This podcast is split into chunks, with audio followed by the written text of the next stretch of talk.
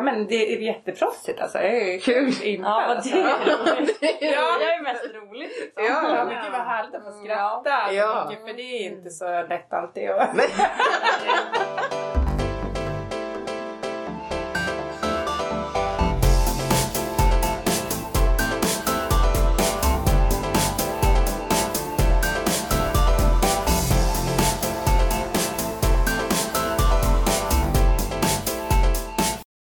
Välkomna tillbaka till Gastric Fantastic Podd med Milla och Mimmi avsnitt 12. Hur hamnade vi där? Hur, jo men alltså vet du hur vi hamnade där? Vi fick ett, ett samarbete man ska säga, det kan man väl kalla det. Med ja. Baricol, the one and only. Ja, Vitaminer för överviktsopererade. Och sen hamnade vi på ett hotell Det i Stockholm. I en säng. Fyra pers. Gangbang is nice. Nej men sluta! Men jag tänkte vi har ju med oss två stycken från Baricol. ja, Vill du presentera dem eller ska vi göra som vi brukar? vi gör som vi brukar. De får presentera sig De själva. får presentera sig själva. Ja. Och i den presentationen så kan vi kanske prata lite om vad Baricol är, varför det är så viktigt med vitaminer när man gjort en överviktsoperation. ja. Så vi lämnar över helt enkelt till proffsen. Ordet, vi lämnar över Vi ordet. lämnar över ordet! Ja, det är väl vi som är proffsen då antar jag. Jajamän. eh, men börja du Johanna. Joanna heter jag. Är typ Baricol tror jag. Lite Ja. grann. Ja. Ja. Men har jobbat ganska länge. Har grundat Berry Buddy. Bor i Sundsvall. Men va? va? Bodde ni i Göteborg? Nej, jag har aldrig bott här. Jag bodde här faktiskt för ett tag sedan. Eh, nej. Nej men vi, vi är ju hybrid i Sundsvall. Vi har marknad sitter i Sundsvall och så har vi huvudkontoret i Göteborg. Okej. Och det var det du reagerade på, inte att hon är grundare till Berry Buddy. Bor inte du i Göteborg? Här har du ju Baricol själv Ja, liksom. ja. Ja, du har det i blod. Jag är, ja, det är en stallis lite grann. Mm. Eh, ja men, man men- mer säga? Jag jobbar med gruppträning också när jag inte jobbar med Baricol. Jag har jobbat på, på den tiden, Sveriges största klinik med eh, överviktsopererade patienter. Och även jobbat i primärvården med fetma innan. Så att jag har en, liksom, en bra grund tycker jag eh, innan jag började med vitaminerna. Mm. Ja, men det har Du då Sara? Ja, men jag, jag håller ju till i Göteborgstrakterna i alla fall. eh, där vi har vårt eh, huvudkontor, kan vi väl kalla det. Det, det låter ju väldigt pampigt. Ja, det gör ju det. Vi är ju hela tre, fyra personer som sitter där. Eh, nej men, eh, så Göteborgstrakten hänger jag. Eh, Sara som sagt, eh, också dietist i grunden. Eh, jobbade ungefär fyra år innan jag började på Barcol eh, med eh, ja, överviktskirurgi i vården. Ehm, Ja, Var det via vården då som du fick nys om Baricol och blev Ja. nyfiken Ja på? men precis. Jag jobbade ju med Baricols produkter som dietist. eh, Och rekommenderade till mina patienter och eh, delade ut liksom provpaket och jobbade med produkten och fick ett väldigt bra intryck, ett seriöst intryck. Eh, Och när det väl dök upp en chans att faktiskt jobba eh, on brand, alltså med produkten, så tog jag den fortare än kvickt. Eller tog, jag fick väl... ja, Du förtjänar den. Ja, jag förtjänar den. eh, men så det känns jätte, jätteroligt att ha gått ifrån att verkligen eh, tycka om en produkt, rekommendera den, jobba med den i vården och sen faktiskt få lov att specialisera sig och vara med på den utvecklingen som har hänt på Barricon den senaste tiden. Eh, med utvecklingen av Berrybody och alltihopa. Så det är eh, jättekul. Ja men det har ju hänt grejer. Men när jag började med Baricol så var det rosa. Sen blev det ett riktigt omtag med nya produkter och sen också eh, vad ska man kalla det då? Ja men matlådor, vattenflaskor, Berry Buddy uppdaterades. Så att det har ju hänt grejer alltså. Vi har Ja. jobbat hårt. Vi har jobbat säga. hårt. Ja. Men det är en ganska bra ingång just som du säger Sara med att man, jag kom också in, jag blev attackerad höll jag på att säga av grundaren på kliniken där jag jobbade och också började rekommendera produkten. Ja. Eh, så att det är lätt att jobba med en produkt som man tror på. Verkligen. Och som man känner, jag tror att det viktigaste för oss också i jobbet är att det finns så mycket hjärta i företaget. Mm. Att det handlar inte bara om att sälja utan det handlar väldigt mycket om att göra någonting bra. Ja, Eh, och vara med i att eh, ja, lösa ett problem, hitta hitta, ja, men, hitta lösningar på eventuella problem. Eh, hjälpa till och hitta den bästa produkten som kan ge bäst compliance. Eh, men, ja, men överlag liksom vara med i men, vården av patienten utan att jobba i vården. Eh, så det, ja, det tycker jag är nog... Ja, hjärtat finns på rätt plats och det har, behöver det göra när man kommer från ett ställe som du och jag som har varit i vården tidigare. Så ja, ja men för de som inte vet vad Barricol är, det kanske är folk som lyssnar som inte vet vad Barricol är. Mm, det kan vara. Eh, men vi är ju eh, ett företag som jobbar framförallt med en eh, produkt som är specifikt anpassad till personer som har genomgått överviktskirurgi och det heter då Barricol Complete. Jag tänkte också på grundaren. Eh, för jag, jag tänkte mycket på så hur Barricol kom till. För att det är ändå så här. Var grundaren eller ni som liksom överviktsopererade eller hur kom, hur kom liksom hur kom det till? Förstår du? Mm, ja, det var faktiskt eh, tre. Eh, den ena jobbade inom eh, läkemedelsindustrin, den andra var kirurg inom obesitas och den tredje var sjuksköterska. Och de tre personerna kokade ihop att men det, det, det finns ett tomrum här. De här patienterna rekommenderas någonting som inte är anpassat för deras nya anatomi. För det man ju har gjort fram tills att Baricol kom på den svenska marknaden det är att plocka ihop ja, de olika vitaminer och mineraler man kan förskriva på recept som finns. Men de är inte anpassade för patientgruppen. Nej. Eh, så att det var så det, det, det kom till helt enkelt. Och då bestämde man sig för att forskningen visar ju att det största problemet är ju att folk slutar ta sina vitaminer för att det är svårt med följsamheten. Och därför valde man då att göra allt i en produkt för att det ska vara enkelt och sen försöka få ner antal tabletter.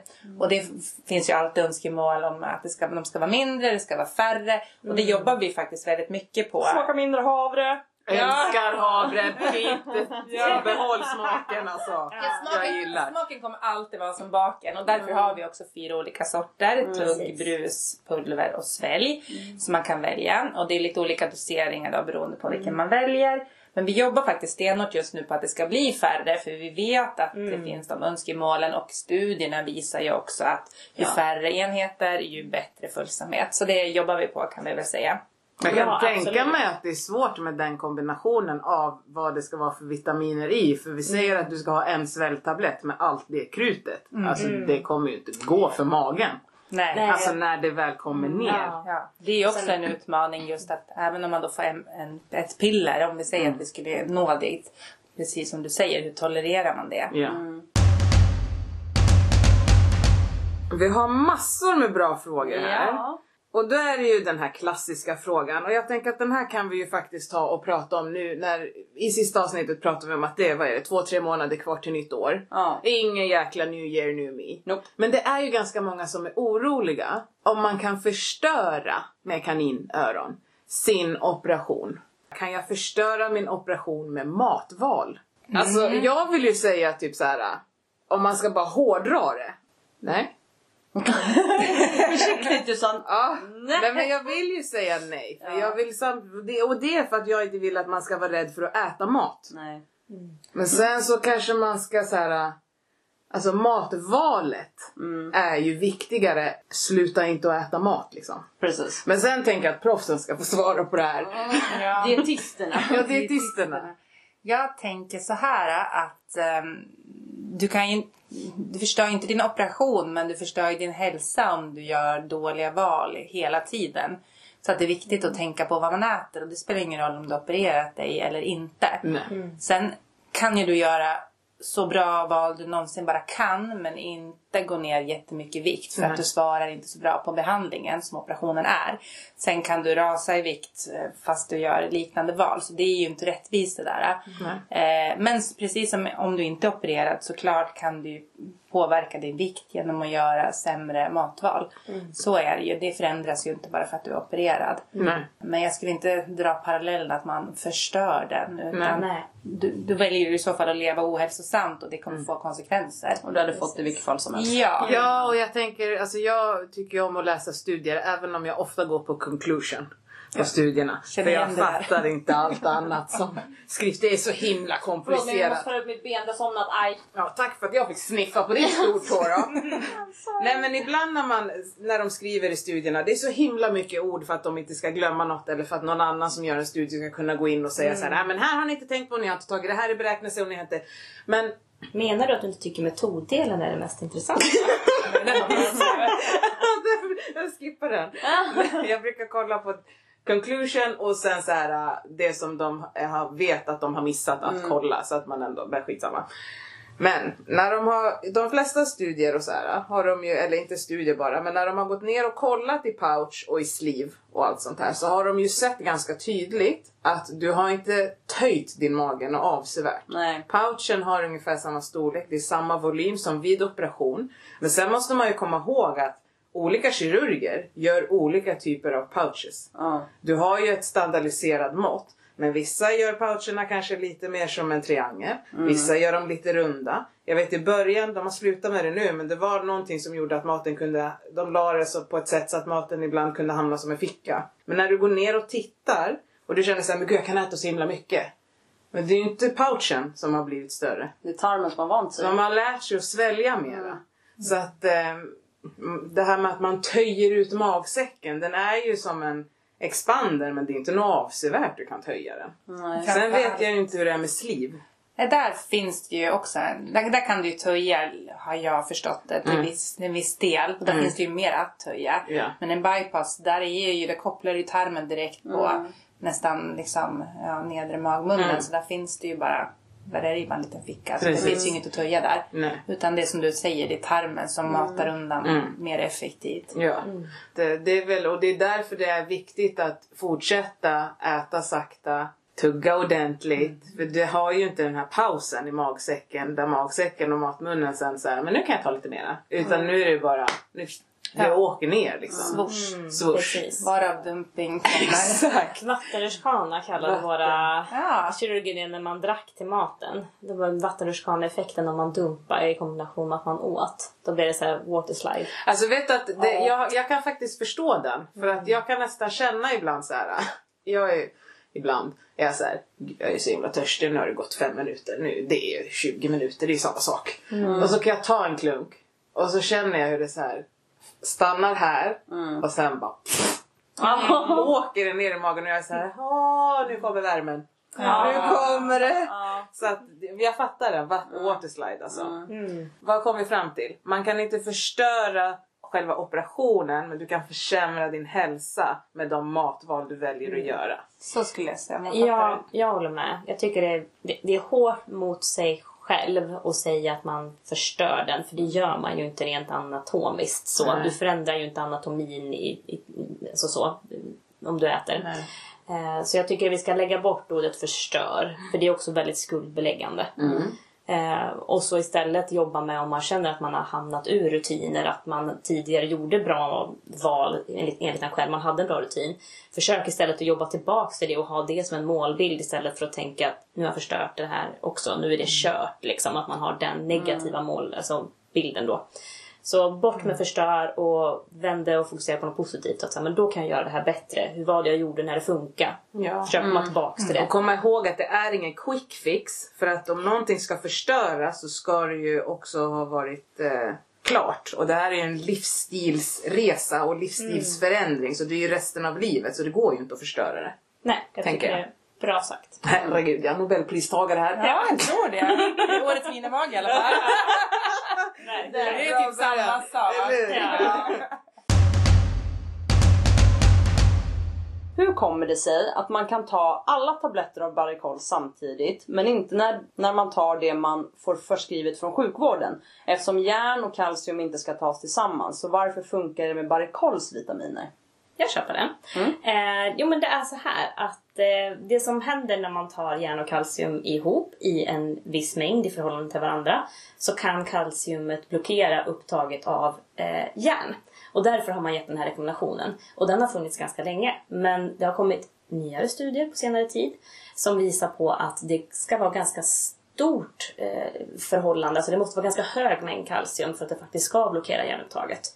Eh, Så när vi har tagit fram vår produkt så är järnet i förhållande till kalciumet på en nivå så att det inte ska påverka upptaget. Så man kan helt enkelt ta en tablett med järn och kalcium i utan att det påverkar järnupptaget så länge som det inte är för hög mängd kalcium. Och det är det inte i Baricol. Men det är tillräckligt, tillräcklig mängd för att man ska få i sig det kalciumet man behöver. Och det som är rekommenderat. Och dessutom så har vi ju eh, C-vitamin i eh, Baricol. Och C-vitamin boostar upptaget av järn.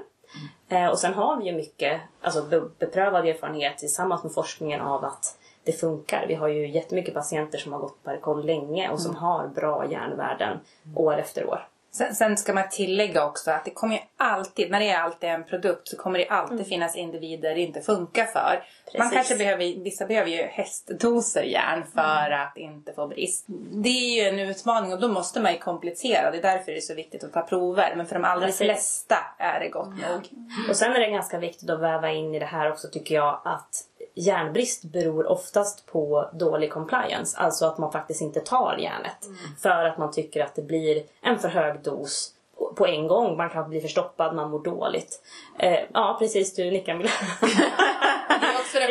Vanligaste det är ju, ja, så därför är det ju vanligt för då väljer man bort järnet helt istället. I, I Baricols produkter så har vi fördelat järnet på alla enheter. Så tar man sväljtabletterna så är ju järnet fördelat i fem tabletter. Så då kan du också fördela järnintaget under dagen. Vilket gör att det generellt är lättare att tolerera mängden järn som kommer in i ja, men den lilla magen man har kvar eller tarmen som det blir då. Ehm, så att ehm, det funkar Men faktiskt. det var, tyckte jag var ett väldigt bra svar. Nej, men jag tänker på att många av de som lyssnar kanske har fått rekommendationerna. Nej, men du behöver inte järn om du inte menstruerar. Eller du kan bara ta järn när du menstruerar. Eh, men det är ju faktiskt så att 17-18% fem år efter operationen, både män och kvinnor, får brist. Så att det är klart att risken är högre som kvinna som menstruerar såklart. Men man, man ska kolla sina värden och i regel rekommendationen är ju att man ska ta järn. Ja, för jag, ja, precis. För jag fick ändå rekommendation, ta bara under mens. Jag fick att jag skulle ta två tabletter under och en, alltså och annars som det var ordinerat. Men det är för att jag hade låga värden innan jag ens gjorde Ja, det operationen. hade inte jag. Nej. Ja, Det är inte mensen vi ska behandla här utan Nej, det är precis. ju, det är ju att du tar ut Ja. sämre. Så därav logiken bakom. Ja, och då är det väl bättre istället för att sluta med järnet för att man blir hård i magen. Då får man ju alltså, för förebygga och köpa hem typ katrinplommon, päron, något som är laxerande. Istället. Chiafrön. Chiafrön. Ja. Så att eh, sluta inte med det. Lägg till istället. Den är bra. Ja.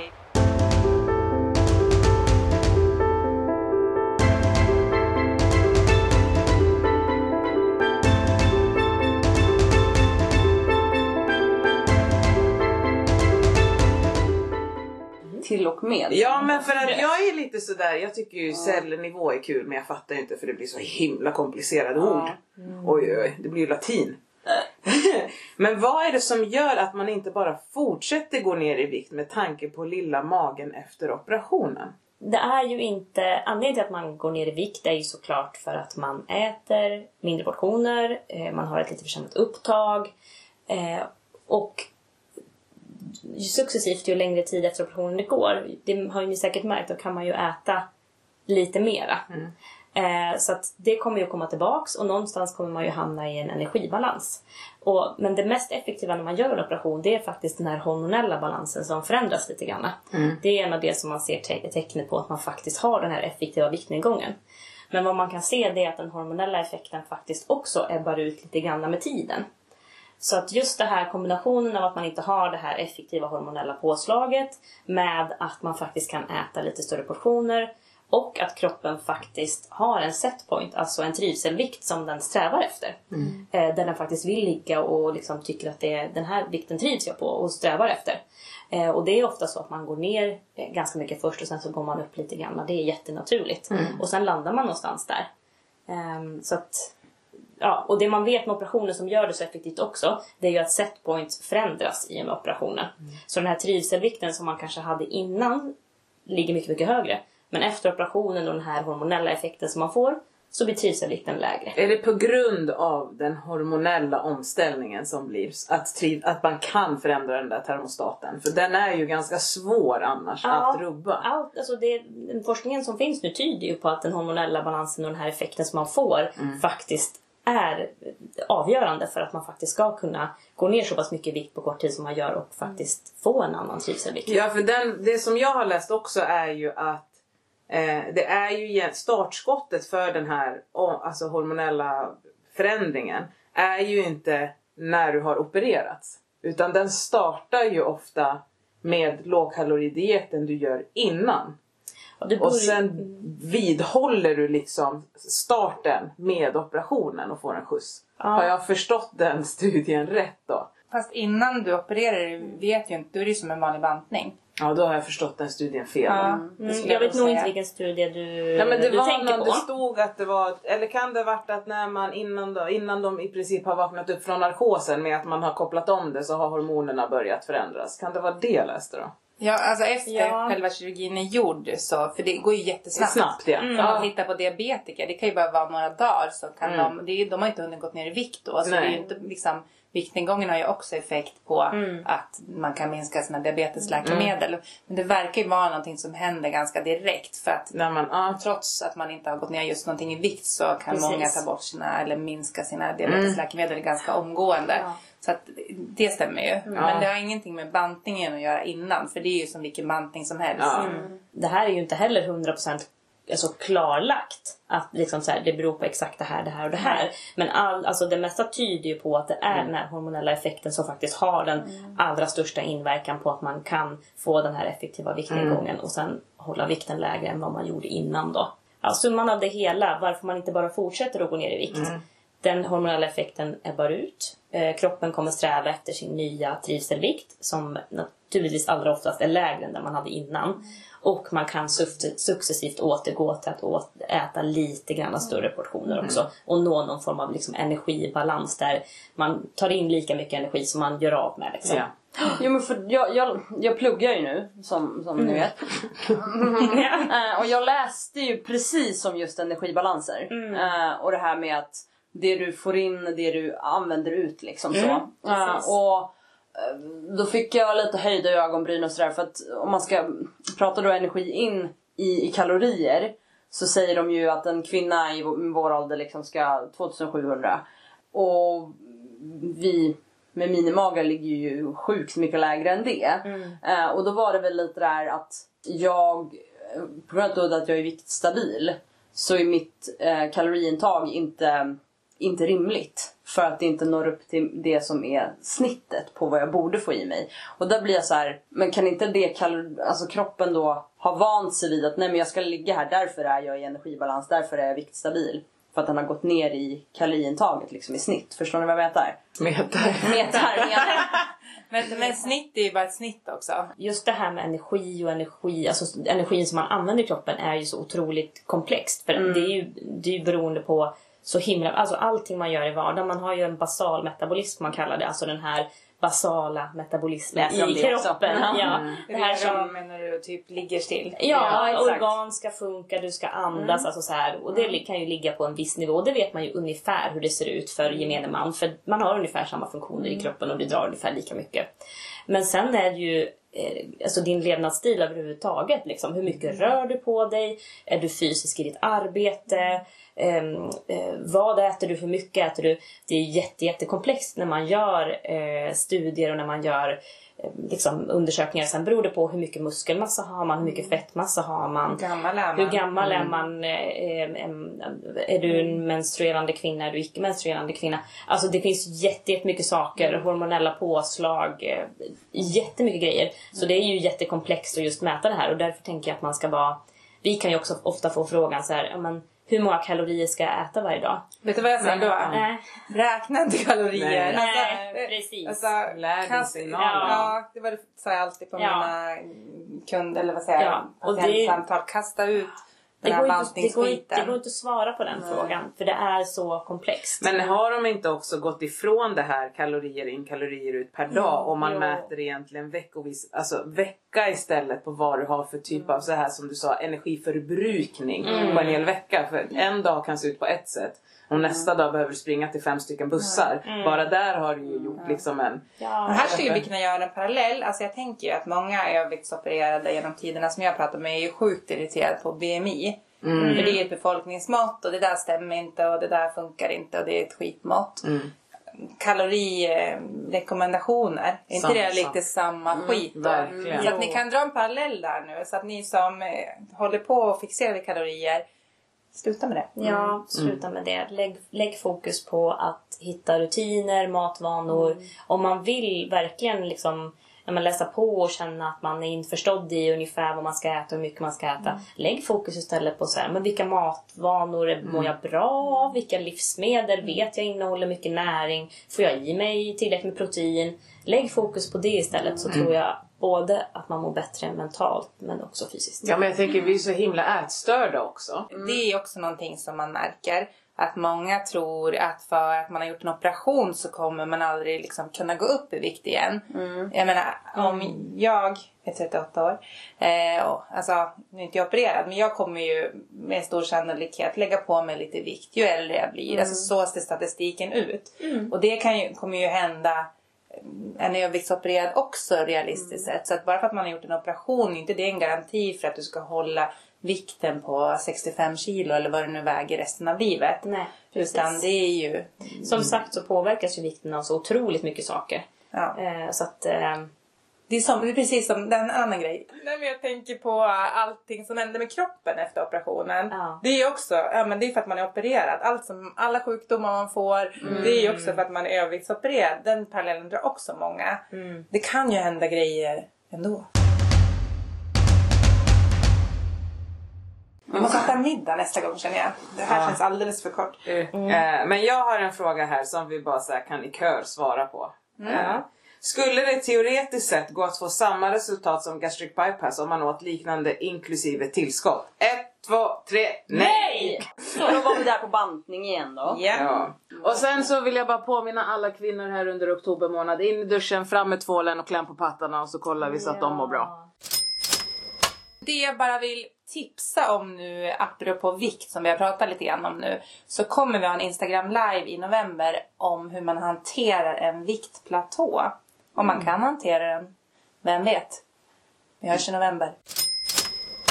Herregud vad jag säger att vi har frågor hela tiden. Det har väl fattat vid det här lagret att det är frågor. Vi Jo, man frågar. måste ju ändå säga det så att du vet att det inte är du som ställer frågan. Och här kommer då en fråga som jag ska ställa. Hur hanterar jag att inte få äta så mycket nu när jag är opererad? Jag älskar att få äta mycket innan jag blivit mätt. Men hatar att jag har varit sjuk. Balansen är svår. Balansen är svår. Ja, eh, min erfarenhet är att de flesta är jätterädda för det här innan operationen. Att hur ska det här gå och tror att det kommer bli en stor sorg att inte kunna äta som innan. Och för en del blir det säkert det. Men för de allra flesta så upplever jag att man ser det som någonting positivt för att man väljer mer med omsorg vad man ska äta. Man äter långsammare, liksom, man njuter mer av maten än- än när man inte har gjort en operation. För då kan man ju bara, jag vet ju själv, man kan ju kasta i sig maten ibland. Eh, så många tycker jag ändå landar i att det blir rätt bra ändå. Sen däremot vet man med sig att man har många som använder mat som ett sätt att döva känslor. Om man till exempel har någon form av hetsätningsstörning då bör man ju ta itu med det innan. Ja, absolut. Och där finns det ju hjälp att få. Det ska man inte heller vara rädd för att söka utan ta kontakt med din vårdcentral eller prata med Ja, men om man nu väntar på operation, prata med opererande enhet och få den kurators eller psykologkontakter som man behöver. För det är någonting som man faktiskt eh, behöver och har rätt att få hjälp till att lösa. Ja, Hur var det för jag, er? Nej men jag har ju haft eh, och, och även under operationstid har jag haft problem med hetsätning. Nu har jag inte haft några episoder på sju månader. Eh, jätteskönt. Men jag vet, tack. Jag vet eh, innan operation när jag sa, när jag gick ut lite grann med så här, men jag ska nog liksom, be dem skicka remiss nu.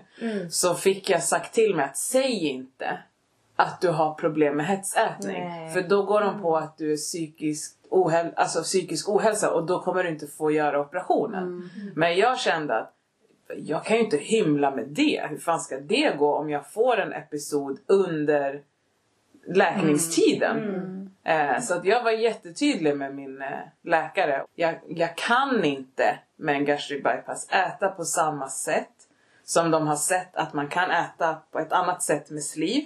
Och om det skulle vara någonting som händer så har jag allting kvar i kroppen. Eh, men med en sliv plockar jag bort något som de inte kan återställa. Eh, men det var, jag fick gå på samtal. Eh, och när de kände att men, jag är införstådd, jag har tagit mig en bit. Då kör vi. Men det var inget som blev liksom förskjutet. För att det gick bra liksom. Men jag tycker inte heller att man ska, om, man, om någon får sådana råd, att men säg inte då att du har. Säg att du har. Ja. För det, man gör om anatomin i kroppen. Eh, och, och de som är kirurger och kuratorer, de vet vad de håller på med. Så att man ska ju inte låtsas som att man mår bättre än vad man gör. För man kan behöva mer hjälp än bara ställa om och bli fri från fetma. Liksom. Ja, och hjälp finns och hjälp har man rätt att få. Ja. Så mm, jag säger som du, var ärlig och transparent. Mm. Eh, då kommer resultatet i slutändan att bli absolut bäst. Ja för båda två är ju sjukdomar som behöver, man behöver hjälp med. Det betyder ju inte att om du får hjälp med den ena sjukdomen så skiter man i den andra. Nej. Det är fortfarande en sjukdom som behöver behandlas. Så Men jag att, eh, pratade inte om det alls. Men jag har ju mer att jag har svält. Svält och sen hetsat. Alltså, sen åt jag tills jag visste inte riktigt vilket ben jag skulle stå på. Så men körde det, jag. det är ju också en Typ av här. När du känner att du inte kan stoppa dig. Du Ja. äter dig, du äter och du känner, du kan Ja. liksom inte. Ja. Hur har det blivit efter operationen då? För dig? Eh, jag tyckte det var jobbigt i början och eh, äta så ofta. Mm. Mm. Det var för att det som jag var van vid att svälta på ett annat sätt och sen äta. Så var det jätte... Jag bara, jag kommer, det kommer ju aldrig gå. Men eftersom min kropp valde verkligen alltså, att ge mig signaler så vart jag ju så här. Då anpassade jag mig fort för att jag mådde jättedåligt om jag inte åt. Så jag kunde ju inte, alltså den, den, liksom, den gav mig aldrig någon chans att ens alltså liksom försöka inte äta på en hel dag. Alltså det är helt omöjligt. Alltså så, här, så att jag tror att jag kom in i det ganska snabbt. Eh, men ibland så får jag ju så här där, där jag, inte att jag omedvetet svälter men att jag, jag, jag skiter i eller jag glömmer att äta. Men då får jag ju betala det priset liksom. Mm. Eh, Men ofta så, det gick ganska fort i början så gick det bra. För att min kropp verkligen sa ifrån att du kan inte, du måste äta. Liksom. Det går inte. Ehm, så att, ehm, så det funkar ju bra liksom. Men skulle du säga att du liksom idag inte behöver ta till den metoden längre? Nej, alltså jag, jag, jag kör ju inga såna grejer längre. Nej. Att jag liksom så. Det, som sagt, jag kan skita i att äta ibland men då, då, då blir det bara dumt. Eh, men jag får aldrig den här att jag vill svälta eller jag vill hetsa. Eh, så, det, det får jag liksom inte. Men, eh, och det var väl, alltså där, det är operationens förtjänst på det sättet liksom. Det är ju för att jag, ja, det var den som förändrade allt. För från dag ett så var jag tvungen att äta så ofta. Fast, jag inte, fast hjärnan inte ville. Liksom. Så ville kroppen det. Så jag hade inget val på det sättet. Och då var jag ju in, inbäddad i det liksom. Så. Så bra att ni pratar om det här för eh, jag tror att många fler eh, ha, har eller har haft den här problematiken och, och inte pratar om den eller inte vill prata om den. Men, och även om man inte vill det eh, så är det otroligt betryggande att och faktiskt höra andra prata om det och veta att man inte är själv. Eh, Och känna sig trygg att ja, men, man kan få hjälp och, och andra går igenom samma sak. Så jätte, jättebra att prata om det. Jag skämdes ju också jättemycket över att jag hade det här. För att jag var stor, jag kunde inte träna utan att få ont i kroppen. Och jag satt ibland och tryck i mig mat. Utan att kunna liksom stoppa det. Och sen fick man ju de här jäkla skamkänslorna. Och det var varje gång man försökte gå till gymmet och göra rätt för sig. Eh, så fick man bara så här, nej men okej, jag har inte, de där byxorna kan inte jag ha på mig. Jaha, någon tog ett kort på mig bakifrån. Ah, är det där jag? Nej men vi kör McDonalds på vägen hem. Alldeles för stor beställning. Och sen kan jag dö om fem år. För vem fan vill ha mig här ändå? Alltså det är så mycket. Det är inte bara liksom att man har att man är stor, en belastning för samhället som man får sagt till sig hela tiden. Om du bara går ner i vikt så blir allting bra. Utan man sitter ju okontrollerat och trycker i sig mat också. Mm. Alltså det är inget man vill gå ut och Nej. Berätta. Nej. Det, Nej, jättetufft. ja, det är hemskt. Dela alltså. med sig av och prata om. Och jag tror, jag tror verkligen att det är jättebra att ni Mm. lyfter den här frågan alltså. Ja, för jag, alltså, jag tror också så här, och det är aldrig för sent skulle jag säga att be om hjälp. Alltså, Nej. jag har tagit hjälp nu med samtalsterapi med alltså, alla trauman. Ehm, och jag tror att man måste bara så här. Bättre sent än aldrig. Ja, Alltså, verkligen. Terapi is the ja. shit. Alltså, jag vill älskar säga det. att alla borde gå i terapi. Det är Ja, Ja, det det är- alla. Ja. Nej men Ja, bara ja. att få... Man är så inrutad med att jag klarar av det här själv. Jag kan Mm. bära det här själv. Jag har mina metoder med att klara av det här själv. Men sen Mm. kommer det någon och bara, men har du tänkt så här? Mm. Och när du säger så här, vad grundar det sig i? Och, vad, och, vad, och kan det vara att det kopplas ihop med det här? Och den där lilla flickan, är det du eller hon som bestämmer? Vem är det som... Ja. Och jag, Mm. ja, men, och jag bara så här. Men vad för sten har jag varit under hela mitt liv Ja. och trott att jag har kunnat bära den? Jag har ju bara stått still och så är det någon liten tjej där med afrohår och två flätor som har suttit där med sin slangbella som hon har kört själv och bara det är jag som bestämmer. Na. Nej men det är helt sinnessjukt. Nu när jag är 33 får jag bestämma. Men det tog mig 33 år Ja. att att våga komma dit.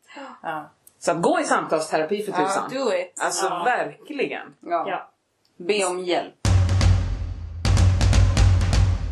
Får vi liksom göra så här, vi får göra en del kommande En del del, två. två. Ja! Ja, det gör vi gärna. Ja, nästa Ja. gång ni är i Ja. Stockholm. Då spelar vi podd på hotellet och sen så bokar vi bord någonstans, Ja. käkar middag och dricker bubbel. Ja, det gör vi. Coca-Cola! Ja, Coca-Cola. Ja. Ja, man får dricka vad man vill. Man får dricka, Man får vad, dricka man, vad man vill. Ja men då får vi göra så att eh, nu rundar vi av helt Ja, enkelt. För att det var så himla mycket bra frågor. Och det var så himla mycket bra svar som man inte egentligen kan svara kort på. Precis. Utan det är ju så komplext också att man måste få svara så att det blir någorlunda konkreta svar och inte bara att det svävar i luften och lämnar med tio stycken följdfrågor. Precis. Eh, men så vi rundar av och vi vill tacka Barikol. Jag kan dra en, ett svar.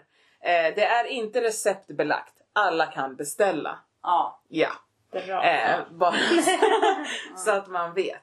Eh, men vi får runda av och vi vill tacka er båda två för att Ja. ni ville vara med i våran podd. Ja, det är ju vi som ska säga tack. We love you, det är jättekul. Ja, we love you too! Bra energi. Ja, och Ja, nu ser vi fram emot del två då, för det var ju massa frågor här nu som vi inte Massa hann med. Precis, så att vi får boka in ett nytt och så kör vi en eh, Barikol 2.0. Ja. Yeah. Perfekt. Då tackar vi för idag och så hörs vi nästa onsdag. Ha det bra! Hej. Hej.